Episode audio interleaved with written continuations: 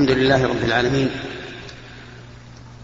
وأصلي وأسلم على نبينا محمد وعلى آله وأصحابه أجمعين. أما بعد فهذا هو اللقاء الأخير من شهر ربيع الأول من شهر ربيع الثاني عام أربعة عشر وأربعمائة وألف والذي يتم يوم الخميس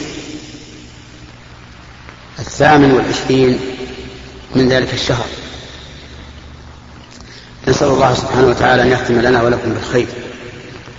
وأن يحسن لنا ولعامة المسلمين العاقبة. كنا تكلمنا في الأسبوع الماضي على أول آية البروج إلى أن وقفنا على قول الله تعالى قتل أصحاب الأخدود إلى أن وقفنا على قوله تعالى وما نقموا منهم إلا أن يؤمنوا بالله العزيز الحميد.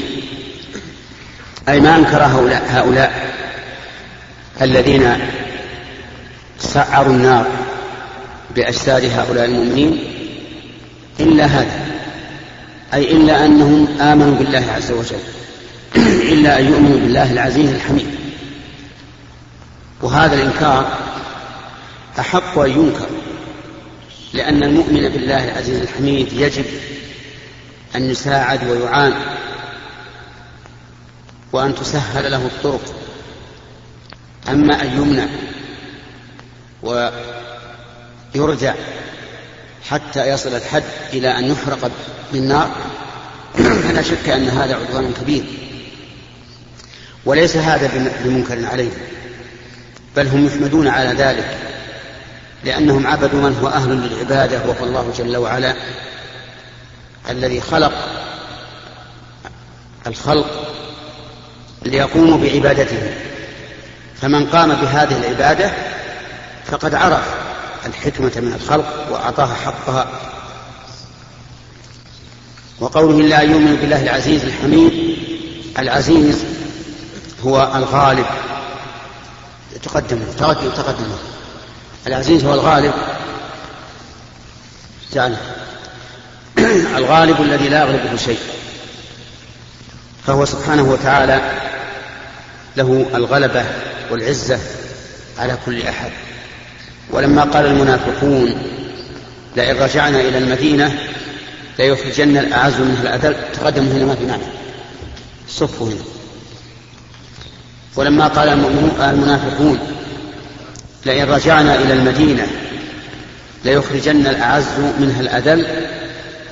قال الله تبارك وتعالى ولله العزة ولرسوله وللمؤمنين ولكن المنافقين لا يعلمون.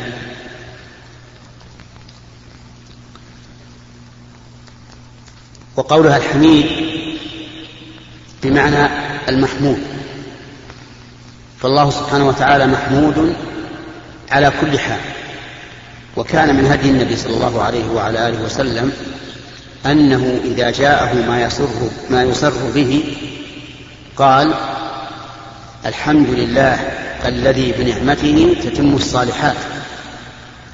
إذا جاءه شيء يسر به يقول الحمد لله الذي بنعمته تتم الصالحات.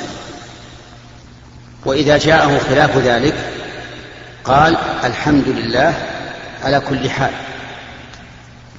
وهذا هو الذي ينبغي للإنسان.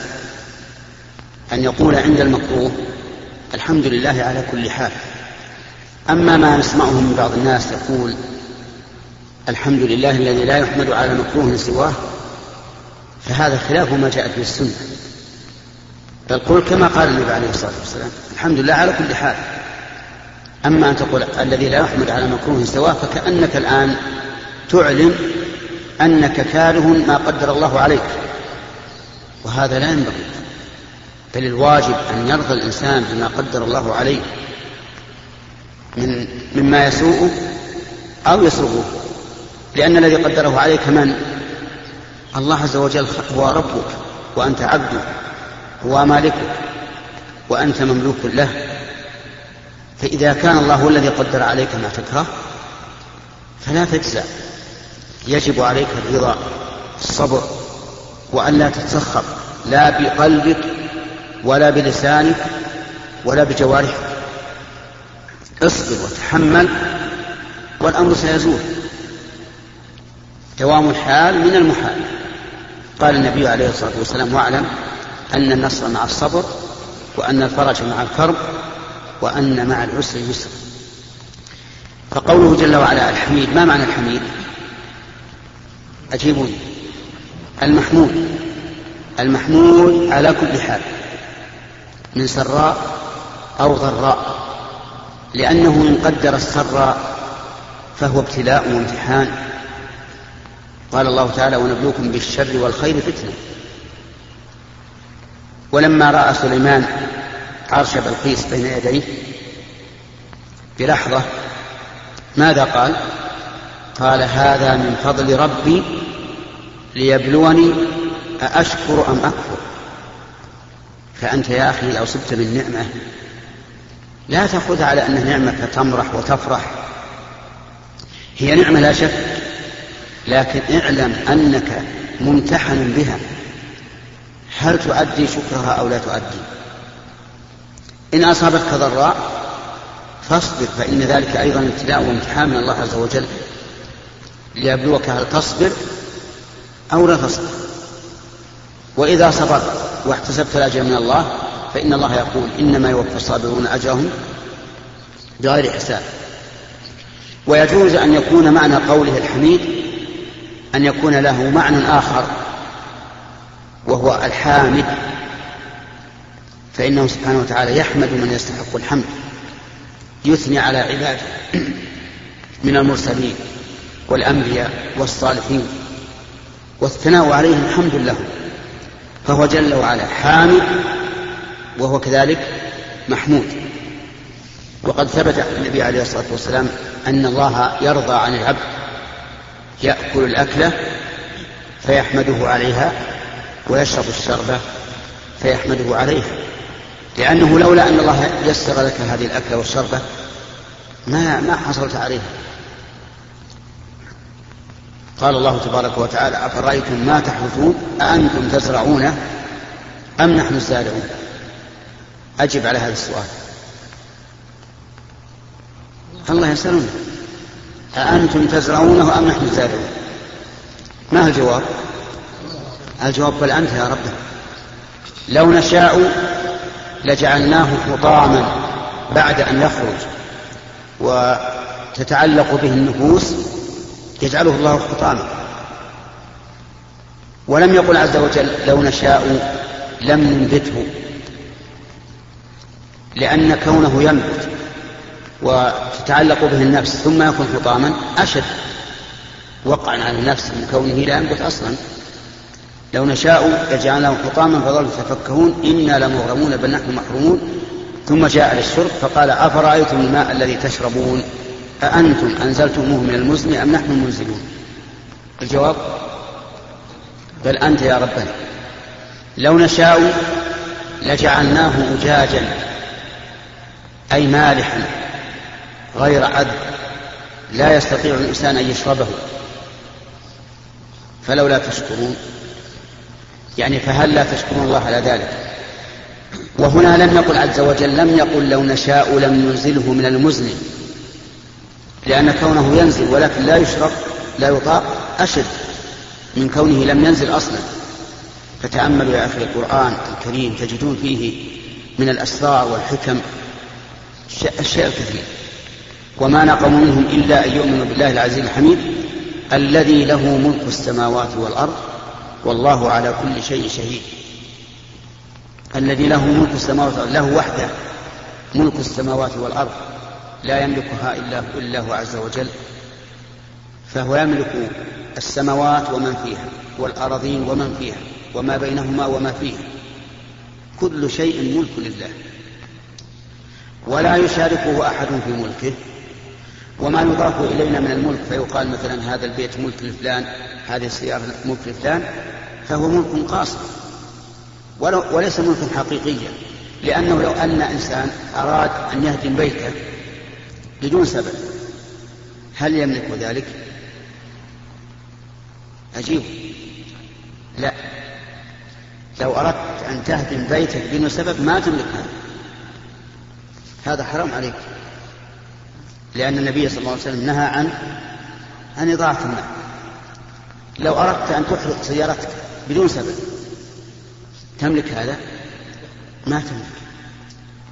حتى لو لو أنك فعلت لحجر الناس حتى القاضي يحصل عليك. يمنعك من التصرف في مالك مع أن الله منعك قبل.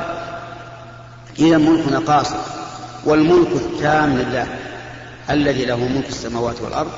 والله على كل شيء شهيد. مطلع عز وجل على كل شيء. ومن جملته ما يفعل هؤلاء الكفار بالمؤمنين. من الإحراق بالنار وسوف يجازيهم. ولكن مع ذلك مع فعلهم هذه الفعلة الشنيعة قال إن الذين فتنوا المؤمنين والمؤمنات ثم لم يتوبوا فلهم عذاب جهنم ولهم عذاب الحريق. قال بعض السلف انظر إلى حلم الله عز وجل. يحرقون أولياء ثم يعرض عليهم التوبة.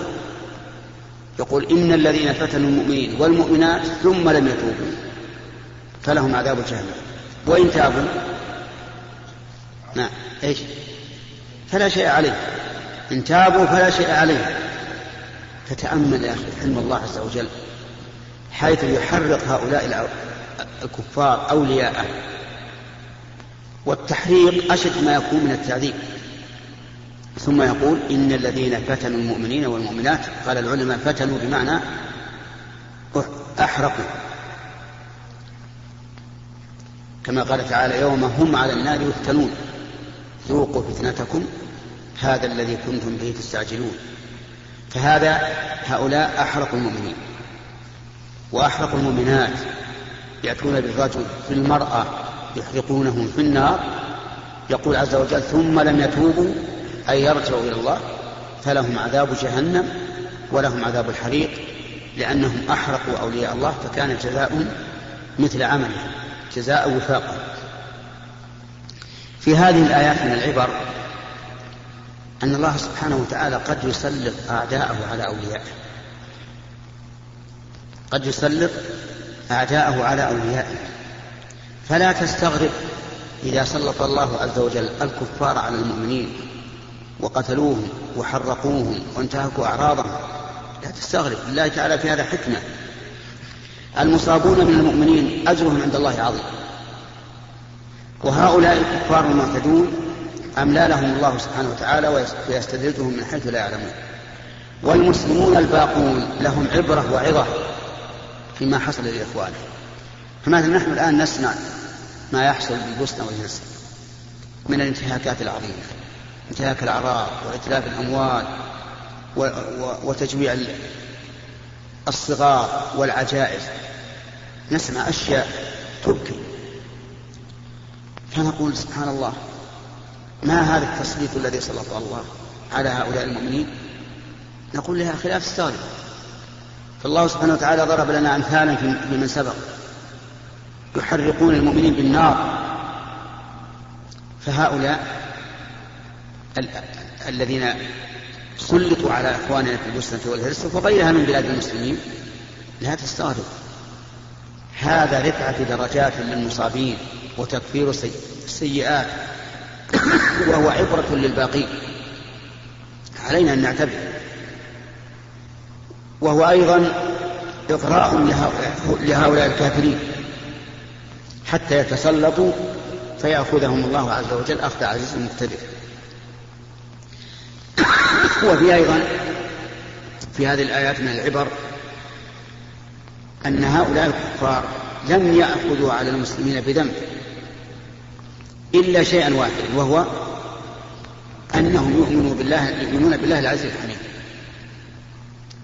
وهذا, ليس بذنب بل هذا هو الحق. ومن أنكره فهو الذي ينكر عليه. نسأل الله سبحانه وتعالى أن ينصر المسلمين في كل مكان وأن يقينا شر أعدائنا وأن يجعل كيدهم في نحورهم. إنه على كل شيء قدير. ونجعل الباقي من الوقت جوابا للأسئلة. وكنا بالأول نجعله من اليمين حتى يتم ولكن رأيت أن نجعل واحد على اليمين وواحد على اليسار لأن أهل اليسار يقولون نحن نحرم. نأتي مبكرين ثم ينتهي الوقت ولم ولم يحصل سؤال. لذلك يا أخي موسى واحد على اليمين وواحد على اليسار. الشيخ بالنسبة للحديث الذي رواه الترمذي الحاكم أن رجلا عطس ثم قال الحمد لله والصلاة والسلام على رسول الله فقال له ابن عمر وأنا معك الحمد لله والصلاة والسلام على رسول الله ولكن هكذا علمنا الرسول صلى الله عليه وسلم. فهل هذا القول يعني نقول نستطيع أن نقول هذا بدعة؟ إذا زاد يعني هذه زيادة الأذكار نعم بسم الله الرحمن الرحيم. الأذكار الواردة عن النبي صلى الله عليه وسلم تامة من كل وجه. فإذا كان المشروع للعاطس إذا عطس أن يقول الحمد لله فقط فليقتصر الإنسان عليها فإن زاد عليها نظرنا إن كان يرى أن الزيادة عليها أفضل فهذا مبتدئ. وإن كان يرى أن هذه الزيادة من باب الجائز ويفعلها أحيانا فهذا ليس ببدعة فأنت حافظ على ما جاءت به الشريعة في الأذكار سواء أذكار السلام أو العاطس أو غير ذلك فإنه أفضل وأولى وأكمل يا شيخ هل ختم الصورة واحدة في مسجد في مجلس يعني جماعة كذا بدع ولا ما بدع؟ كيف؟ يعني يقرأ سورة مثلا الكهف مجلس واحد يختموها كل واحد يقرأها كاملة؟ لا يقرأ يعني صفحة إيه. ولا نعم. هذه تسمى في القراءة قراءة الإدارة يعني أنه يدور تدور القراءة عليهم بحيث يقرأ أحدهم جزء جزءا ثم الثاني الجزء الذي بعده ثم الثالث الجزء الثالث أو على صفحة أو على ورقة. وهذا كله لا بأس به. لأن غاية ما فيه أنهم يتساعدون ويطردون الملل عن أنفسهم. ولا حرج في ذلك. ها؟ لا. ثاني من ناحية الأذكار يعني الأذكار تكون مجموعة. كل واحد يقول ذكر يعني مثلا أذكار الصباح ولا أذكار المساء كل واحد يقول ذكر. يعني يقول ذكر أيوه. ويريد أن يكون الأجر للجميع. نعم. هذا أيضا من الأشياء التي لا ينبغي للإنسان أن يفعلها لأنه إذا فعل ذلك فإنه يحرم يحرم يحرم نفسه من أن يقول الذكر هو بنفسه والقائل للذكر أفضل من المستمع. فالذي ننصح به هؤلاء أن أن يكون كل واحد منهم يقول الذكر الواجب بنفسه. نعم. يا شيخ. بالله مثلا آه، دخل وقت صلاة العصر وما صلينا الظهر. نصلي العصر بنية انها صلاة الظهر ولا شلون؟ يعني دخلتم على المسجد؟ اي دخلنا المسجد وهم يصلون العصر. إيه. وأنتم لم تصلوا الظهر. وما صلينا الظهر. نعم ادخلوا معهم بنية الظهر. إيه. ولكل امرئ ما نوى. أنتم لكم ما نويتم والإمام له ما نوى. ثم إذا انتهت الصلاة فصلوا العصر. السلام عليكم آه، ما هو الفرق بين الوجوب والإيجاب في الواجب المخير نعم. الوجوب وصف للحكم والإيجاب وصف للحاكم.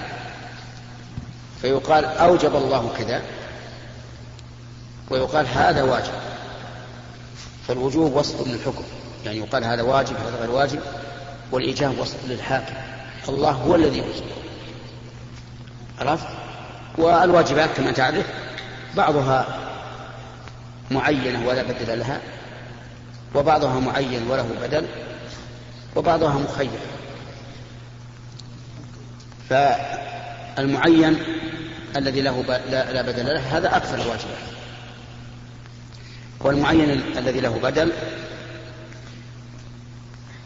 كخصال الكفارة في الظهار عتق رقبة فإن لم يجد فصيام شهرين متتابعين فإن لم يجد فإطعام ستين مسكين هذا واجب وله بدل. والواجب المخير كخصال الكفارة في بل خصال الفدية في حلق الرأس في الإحرام ففدية من صيام أو صدقة أو نسك. هنا. بعده. يا شيخ آه، سؤالي عن حديث. آه، هل هو صحيح أولا ثم إذا كان صحيح ما معناه آه، الحديث يقول صوتان ملعونان صوت عند المصيبة وصوت عند الفرح. هذا الحديث ضعيف. والمراد بالصوتين صوت عند عند المصيبة يعني بذلك صوت صوت النائحة وصوت الفرح صوت الطرب الذي هو الغنى. هذا إن صح. الحديث نعم. الشيخ أحسن الله إليك. في لقاءات سابقة عرفنا البدعة وحكمها. نجد أن بعض الناس في الاحتفالات بالمولد النبي الشريف يقولون في مدح النبي صلى الله عليه وسلم. ويقولون أن هذه الاحتفالات هي تعليف لقلوب المسلمين بعد أن تفرغت الأمة. فما قولكم في هذا قولنا لهؤلاء الذين يقولون إن الاحتفال بالمولد تأليف للقلوب وإحياء, وإحياء لذكرى رسول الله صلى الله عليه وآله وسلم. نقول أولا لا نسلم ذلك. فإن هؤلاء الذين يجتمعون يتفرقون عن غير شيء ولا يمكن أن تتآلف القلوب على بدعة إطلاقا. ثانيا أن هذا إحداث شيء لم يشرعه الله. فالله تعالى قد جعل لتأليف القلوب اجتماعا آخر. كل يوم نجتمع في بيت من بيوت الله. كم مرة؟ خمس مرات يحصل به التأليف. فنحن في غنى عن هذه البدعة التي ابتدعوها وقالوا إنه يحصل بها التأليف. وأما ذكر رسول الله صلى الله عليه وآله وسلم فسبحان الله العظيم لا يكون للإنسان ذكرى للرسول إلا على كل على رأس كل سنة. ألسنا نذكر الرسول في كل كل عبادة. كل عبادة نذكر الرسول. فمثلا عندما تريد أن تتوضأ لا بد في الوضوء من أمرين. الإخلاص لله والثاني المتابعة للرسول صلى الله عليه وسلم. فمتى استشعرت المتابعة؟ فأنت الآن تذكر الرسول. تتوضأ على أنك. على أنك متبع للرسول. تصلي على أنك متبع للرسول ثم الذكرى العلنية والحمد لله. كل يوم خمس مرات على الأقل نعلن أشهد أن محمد رسول الله من فوق البلاد.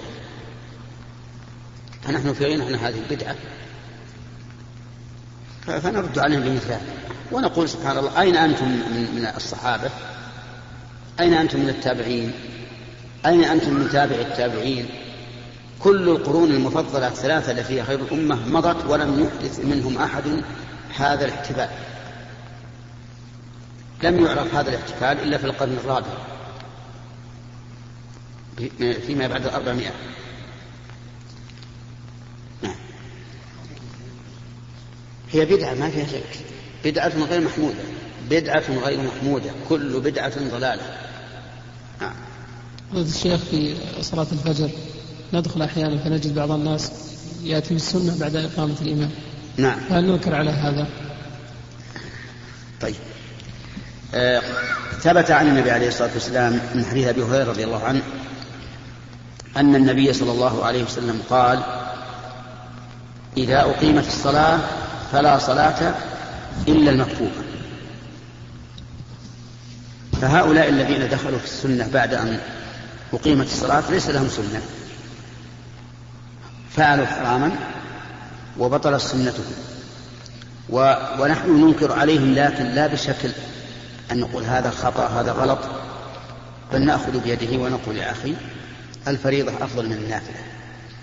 والنبي صلى الله عليه وسلم يقول إذا أقيمت الصلاة فلا صلاة إلا المكتوبة. سيقول لك هذا رأي علمائنا أن سنة الفجر لا بد منها قبل الصلاة ولو أقيمت الصلاة. قل له أيما أولى رأي علمائك أو النبي عليه الصلاة والسلام. بل إن الرسول قال هذا في, في, في نفس سنة صلاة الفجر أنكر على من كان يستنى والإمام يصلي. ثم آه، إننا نقول إذا أقيمت الصلاة وأنت في نافلة قد دخلت فيها فإن كنت في الركعة الأولى فاقطعها بدون سلام وادخل مع الإمام. وإن نعم. خلك معي. إن كنت في الركعة الأولى فاقطعها بدون سلام وادخل مع الإمام. وإن كنت في الركعة الثانية قد قمت إلى الثانية فأتمها خفيفة. نعم. السلام عليكم ورحمة الله. السلام ورحمة الله. الله يا شيخ. ما هو دور التمريض السعودي والذي تعرفون أنه ولله الحمد؟ قد كثر في هذا القسم. ومن بينهم يكون بعض الإخوة الدعاة علما بأن هذه المهنة يكون فيها الاختلاط بين النساء والرجال وهؤلاء غير مسلمين. فهل يكون دعوة الدعوة للرجال والنساء أو للرجال فقط؟ ولو لم يدعوهم هل يكونون آثمين؟ الواجب على الإنسان أن يدعو إلى إلى دين الله لكن مخاطبة الرجل للمرأة ولو بالدعوة إلى الله قد تحدث فتنة. فالأولى أن يكون من من الممرضات الصالحات من يدعو النساء ومن الرجال من يدعو الرجال حتى لا تحصل الفتنة لأن الإنسان لأن الشيطان يجري من ابن آدم مجرى الدم. فربما مع المخاطبة يعني يدخل الشيطان بين الرجل والمرأة. فلكل مقام مقام. أما لو كان هناك مثلا نساء مجتمعات وقام رجل يخطب فيهن فهذا لا بأس. لكن دعوة مباشرة مع امرأة لا نرى أنها فيها مصلحة. لو فيها مصلحة يمكن يكون فيها مضرة أكثر.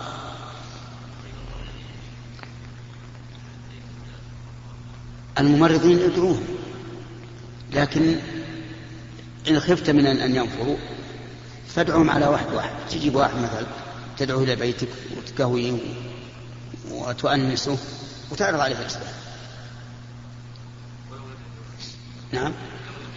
أخشى إذا كان لم يدعو وهو قادر أن يأثم بذلك. نعم. السلام يا شيخ ما الفرق بين الحسنة والدرجة؟ وهل الدرجة مثل الحسنة والعشرة الثانية؟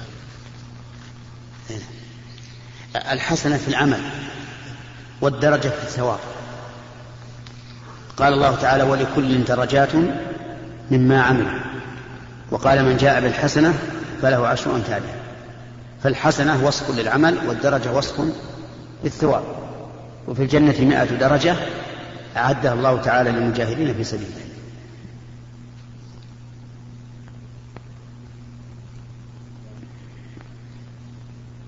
طيب ما يمكن تجيب اثنين بعد اليوم؟ ها؟ جيب اثنين خل واحد من هنا وواحد من هنا. نعم. فضيلة الشيخ هل الصلاة في المسجد المسجد المجاورة للحرم تعادل صلاة الحرم؟ أو أو مثابة؟ نعم. الصلاة في المسجد في في المسجد النبوي خير من ألف صلاة فيما سواه إلا إلا المسجد الحرام. والمساجد المجاورة للمسجد النبوي لا يكون فيها ثواب المسجد النبوي. أما مكة فقد اختلف العلماء. هل يحصل ثواب المسجد الذي فيه الكعبة للمساجد الأخرى أو لا؟ والصحيح أنه لا يحصل لأن النبي صلى الله عليه وعلى وسلم قال صلاة في المسجد هذا أفضل من ألف صلاة فيما سواه إلا مسجد الكعبة. فقوله إلا مسجد الكعبة نص بأن الذي فيها هذا التفضيل يعني مائة ألف صلاة هو مسجد الكعبة. ومعلوم أنك لو صليت في مسجد في العزيزية ما قال الناس هذا مسجد الكعبة. لكن الصلاة في الحرم أفضل من الصلاة في الحل. يعني لو صليت في مسجد العزيزية أو في العوالي أو ما أشبه ذلك فهو أفضل مما لو صليت في مسجد الرياض أو ما أشبهه. والدليل على هذا أن النبي صلى الله عليه وعلى آله وسلم لما نزل في الحديبية وكان بعضها من الحرم وبعضها من الحل صار إذا جاء وقت الصلاة دخل, دخل إلى الحرم وصلى فيه. نعم. ها؟ طيب. ما في بأس.